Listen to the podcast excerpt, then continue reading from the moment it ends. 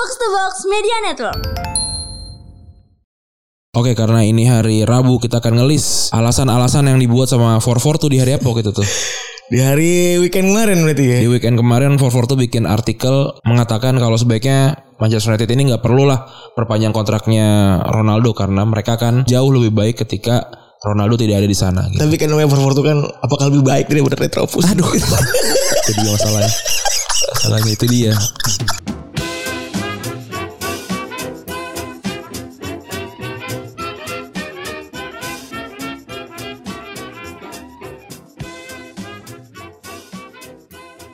Podcast Retropus episode ke-395 masih bersama double pivot andalan Anda, gue Randi. Dan gua Febri. Oke, karena ini hari Rabu kita akan ngelis alasan-alasan yang dibuat sama 44 tuh di hari apa gitu tuh. Di hari weekend kemarin berarti ya. Di weekend kemarin 44 tuh bikin artikel mengatakan kalau sebaiknya Manchester United ini nggak perlu lah perpanjang kontraknya Ronaldo karena mereka kan jauh lebih baik ketika Ronaldo tidak ada di sana gitu. Tapi kan namanya Forward itu kan apakah lebih baik daripada Retropus? Aduh. itu dia masalahnya. Masalahnya itu dia. Ini kita coba tes aja lah Iya. Sebagai membaca Forward itu sejak kecil Iya, gitu kita kan. adu cuma aja. membaca, Kita cuma menantang gitu ya. Kita ada aja ilmunya. Siapa penulisnya ada namanya nggak? Penulisnya namanya Ma- Mark White Oke, Mark White ya. Kita akan melihat apakah argumen-argumen Mark White ini yang sudah kita terjemahkan ya dalam eh, bahasa Indonesia biar teman-teman yang kadang-kadang kalau nonton TikTok suka komen eh, subtitle gitu ya. Ini kita akan akan bahas di sini ya. Yang pertama ada gara-gara Ronaldo ekspektasi jadi jauh lebih tinggi gitu ya. Karena musim lalu nih United ada di peringkat 2 Liga Inggris dan sekarang posisinya ada di 6 gitu. Nah, ini dibilang katanya ya karena Ronaldo orang ekspektasi jadi makin tinggi. Jadi ketika udah kemarin peringkat 2 ya sekarang naik dong peringkatnya gitu karena udah kedatangan mega bintang gitu. Dan ya kalau menurut gue sih sebenarnya tanpa atau atau nggak ada Ronaldo gitu, ini Manchester United gitu. Betul Ketika lu sudah keluar uang banyak untuk beli pemain-pemain bintang, ya memang targetnya ada di atas dan ekspektasi akan selalu tinggi gitu. Dan dengan komposisi serta gaji yang ada di Manchester United itu cukup wajar kalau misalnya memang ekspektasinya harus selalu tinggi gitu. dan wajar gitu dan tapi kalau dia bilang ya Ronaldo udah tua juga gitu kenapa dikasih ekspektasi tinggi ya kalau kalau lu Manchester United kenapa beli pemain tua Ya, alasannya kan pertanyaannya tinggal dibalikin gitu aja kalau kalau menurut gua gitu Dan mereka bilang juga kalau Ronaldo bukanlah pemain yang bagus kalau di depan dan jadi nggak dibutuhin sama MU di musim ini gitu. Jadi secara natural Ronaldo tuh sebenarnya bukan seorang forward yang eh, natural forward gitu ya dan selalu punya backup ketika main bagus. Ketika mau kalau jadi kalau lu mau main mau bikin Ronaldo main bagus lu tuh harus punya backup. Kayak misalnya di Madrid tuh punya Benzema, punya Di Maria, punya Ozil. Kalau di Juventus punya eh, Dybala gitu ya. Dan ada Modric juga dan lain-lain tuh ya di di apa namanya di Juventus eh, di Madrid. Sebenarnya kalau di United jadinya nggak ada orang yang hold up di depan nunggu bola dan jadi pengecoh sehingga Ronaldo tuh nggak bisa nggak punya bantuan. ya walaupun aneh juga kalau menurut gua nih Bruno Fernandes kan buat gue pemain world class gitu ya Iya. Walaupun orang bilang wah penalti apa segala macam. Ya maksud gue itu kan sisi lain sisi lainnya dia dapat gol dari penalti tapi sisanya kan memang bagus. Kalau kalau Bruno Fernandes masuk ke Real Madrid aja dia pemain inti gitu. Atau masuk ke mana tim-tim gede gitu ya masuk jadi pemain inti. Artinya dia memang pemain yang luar biasa bagus gitu. Terus itu yang bikin jadi pertanyaan gitu. Bukan salah itunya gitu, bukan salah Ronaldonya gitu, tapi ya salah pemain pemain-pemain ini di taktik gitu. Ini apakah benar nih taktiknya memang memang sudah meng apa ya, me- memfasilitasi Ronaldo untuk jadi jadi jadi lebih baik gitu. Karena kan seperti yang kita tahu aja Ronaldo ini datang di menit-menit akhir transfer kan. Betul. Jadi memang banyak yang bilang juga ya sebenarnya United nggak butuh-butuh banget sama Ronaldo tapi mereka khawatir kalau Ronaldo pindah ke Manchester City gitu. Jadi sebenarnya secara taktik yang sudah disiapkan di musim di pramusim mereka tidak tidak pakai Ronaldo gitu. Tapi ketika ini sudah Ralf Rangnick gitu ya. Ya harusnya kan Rangnick tahu bintangnya bintang utamanya itu Ronaldo gitu, tapi tidak terfasilitasi juga. Ya ini jadi jadi pertanyaan gitu. Apakah Ronaldonya yang beneran jelek atau ternyata emang timnya tidak tidak pantas untuk melayani Cristiano Ronaldo gitu. Dalam posisi terburuknya aja Ronaldo 12 gol gitu ya. Maksudnya masih tetap bagus di Premier League 6 gol di Liga Champion dari 7 pertandingan.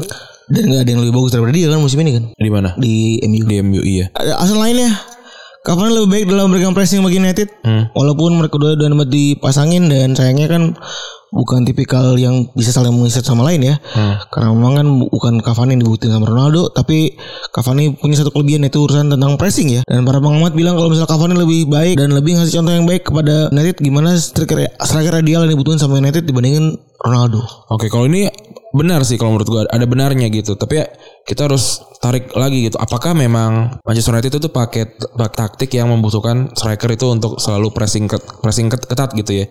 Karena emang kelihatan Ronaldo malas-malasan banget untuk pressing, Cavani kan gila-gilaan gitu. Tapi maksudnya kalau adalah Cristiano Ronaldo gitu misalnya dan orang-orang orang-orang ini butuh lu untuk lari-lari cepat dalam hitungannya perse- persekian detik gitu ya. Ya kayaknya memang Ronaldo ten- tenaga dan dia umurnya udah, udah tua juga ya. Jadi memang tenaganya memang mungkin lebih baik difokuskan kepada kepada eh, ini ya, kepada pada nyerang gitu ya. Jadi ini ini ini yang paling benar sih, yang paling ben- paling oke eh, apa Alasan nih. alasannya dibandingin dua yang tadi sih kalau menurut gue nih. Tapi ya masa Cavani dibanding bandinginnya gitu ya. Maksudnya apakah sama-sama tua juga gitu Ap- apakah apakah memang nggak ada nggak ada striker lain gitu tapi kalau kalau alasannya adalah memberikan pressing yang dan kenyamanan ya benar karena kan ketika Cava- Cavani menyet, eh, pressing back back dan gelandang-gelandang Manchester United punya kesempatan untuk bal- balik gitu untuk track back ke belakang gitu ini cukup valid kalau soal ini Tapi menurut gua Cavani tetap lah. Maksud gua kalau mau dibandingin dan Cavani lah mending lu cari orang lain supaya bisa mengakomodir Ronaldo gitu. Iya gitu. ya ya tadi atau atau ya memang kalau memang butuh pressing forward gitu ya ya, ya berarti memang memang Ronaldo tidak layak di Manchester United gitu. Tapi kan bisa main dengan dua striker atau segala macam kan. Betul. Kalau untuk mengakomodasi Ronaldo gitu. Lanjutannya adalah tanya Bruno tiba-tiba kurang bagus kalau main mainnya kalau ada Ronaldo ya. Ya. Dan yang lucu cocokologinya adalah mereka mencocokologikan antara Bruno di MU dengan Bruno di Portugal gitu ya. Dan dibilang Bruno tuh kalau main di Portugal mainnya biasa aja. Kalau main di MU dulunya mainnya bagus-bagus. Satu hal cocokologinya adalah Ronaldo. Nah, yang kan Ronaldo main di Moldova. Dan nomor tujuhnya eh, Portugal tuh Luis Figo masih sekarang. Dan Bruno Fernandes itu membuat kesimpulan dari dalam artikel ini kalau misalnya Bruno Fernandes selalu buruk ketika sedangkan dengan rekan senegaranya dan secara permainan itu mereka memang suka serobot setelah main ya karena kan mereka hitungannya ada di spesies yang sama gitu. Hmm, ya itu benar. Kalau itu kalau itu ada, ada agak agak benar sih, ada benarnya. Karena Ronaldo dan Bruno Fernandes ber- beroperasi di di zona yang kurang lebih kurang lebihnya sama gitu. Tapi Portugal mereka sebenarnya baik-baik aja gitu. Nggak nggak nggak nggak ada nggak, nggak ada segitu masalahnya. Cuma mungkin memang ini soal keraguan-raguan Bruno Fernandes yang yang gue lihat gitu. Ketika ada Ronaldo dia jadi bingung.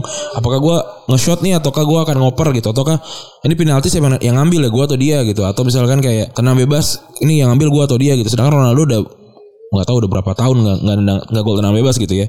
Juga jadi pertanyaan-pertanyaan kayak gitu tuh. Apakah sop- sopan nggak nih ngambil ininya begitu gitu ya. Padahal kan harusnya dibahasnya di di di dressing room gitu ya soal soal hal-hal kayak gitu. Jadi memang ada ada benarnya juga karena kalau kalau soal eh, apa namanya okupansi di satu daerah gitu. Tapi kalau dibandingin sama Portugal malah menurut gua agak aneh gitu. Karena Ronaldo dan Bruno Fernandes ini dapetin gelar pertamanya Portugal gitu ya. Betul. Euro dan Euro satu lagi dan eh, apa namanya tuh National League.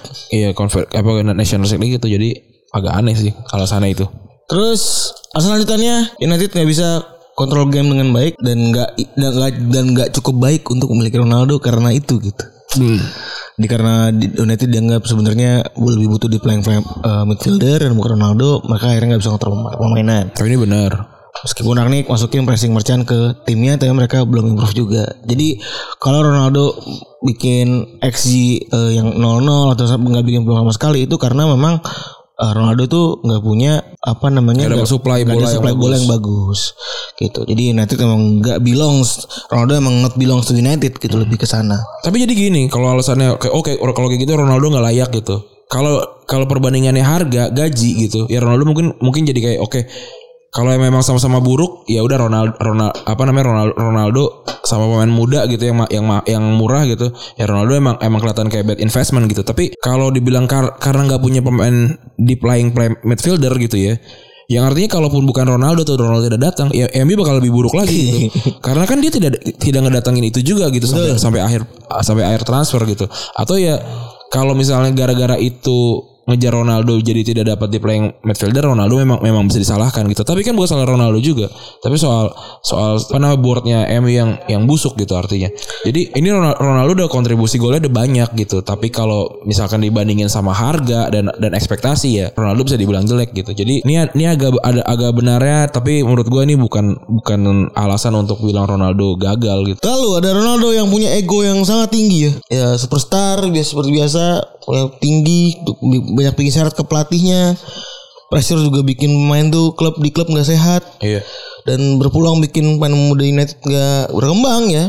Dan permainan juga harus berpusat sama dia di mana bikin pemain United lebih mudah kebaca apalagi karena emang umur udah tua. Iya kalau lu ada di satu tim yang gajinya Ronaldo 510 ribu pound sterling per minggu gitu ya. Terus David De Gea 375 ada Jad- Jadon Sancho 350 dan dan segala macamnya gitu. Ya ya wajar memang punya ego yang besar dan dan untuk punya tim eh dan untuk untuk punya para pemain-pemain kayak gini ya ya memang mereka punya harus punya ego yang besar gitu. Tinggal gimana manajemen aja gitu. Kan Ronaldo juga bukan pemain baru gitu udah tahu gitu waktu ngedatangin ya memang egonya besar gitu jadi ya jadi ya bukan salahnya Ronaldo juga gitu kalau menurut gue. Istilahnya bukan Ronaldo tuh jadi juara banyak itu karena ego yang besar gitu. Betul. Bukan karena dia kulonun kulonun ya ada orang kulonun juga sukses. Terus jadi presiden juga ada gitu. Lucu banget. Lucu banget. Ya, tapi tapi tapi ini Cristiano Ronaldo gitu dan dan butuh kesombongan tingkat tinggi untuk jadi orang di level dia gitu. Dan bisa dibilang eh apa ya? Kalau misalnya di balik, di balik, di balik ego tinggi ya para pemain MU kenapa Ronaldo harus harus dibuang sih gitu? Iya, kalau gue mendingan yang lain yang yang lebih tidak kontribusi gitu. Pogba. Iya. lebih pantas buat dibuang tuh. Jadi nggak masuk akal sih kalau ini. Alasan ego yang sangat tinggi tuh alasan yang alasan yang Nggak ada nggak ada. yang ada tapi diada-adakan lah. Yang terakhir Ronaldo umurnya udah, udah 37. ini alasannya salah Manchester United tanpa beli waktu dia di umur 36. Udah gitu aja sebenarnya.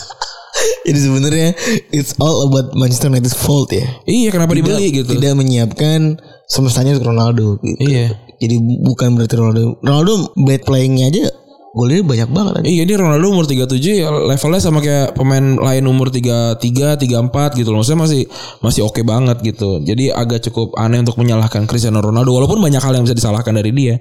Tapi kalau untuk bikin untuk bilang Manchester United ini jelek dan tidak perlu memperpanjang Ronaldo juga pertanyaan juga buat gua. Emang ada yang lebih baik daripada Cristiano Ronaldo untuk Manchester United gitu ya? Iya, betul. Banyak lah yang bisa didiskusikan di, di ini gitu ya. Oke, gitu kali ya untuk episode kali ini ya. Makasih teman-teman yang sudah mendengarkan. Gue Randy cabut. Gue Febri cabut. Bye. by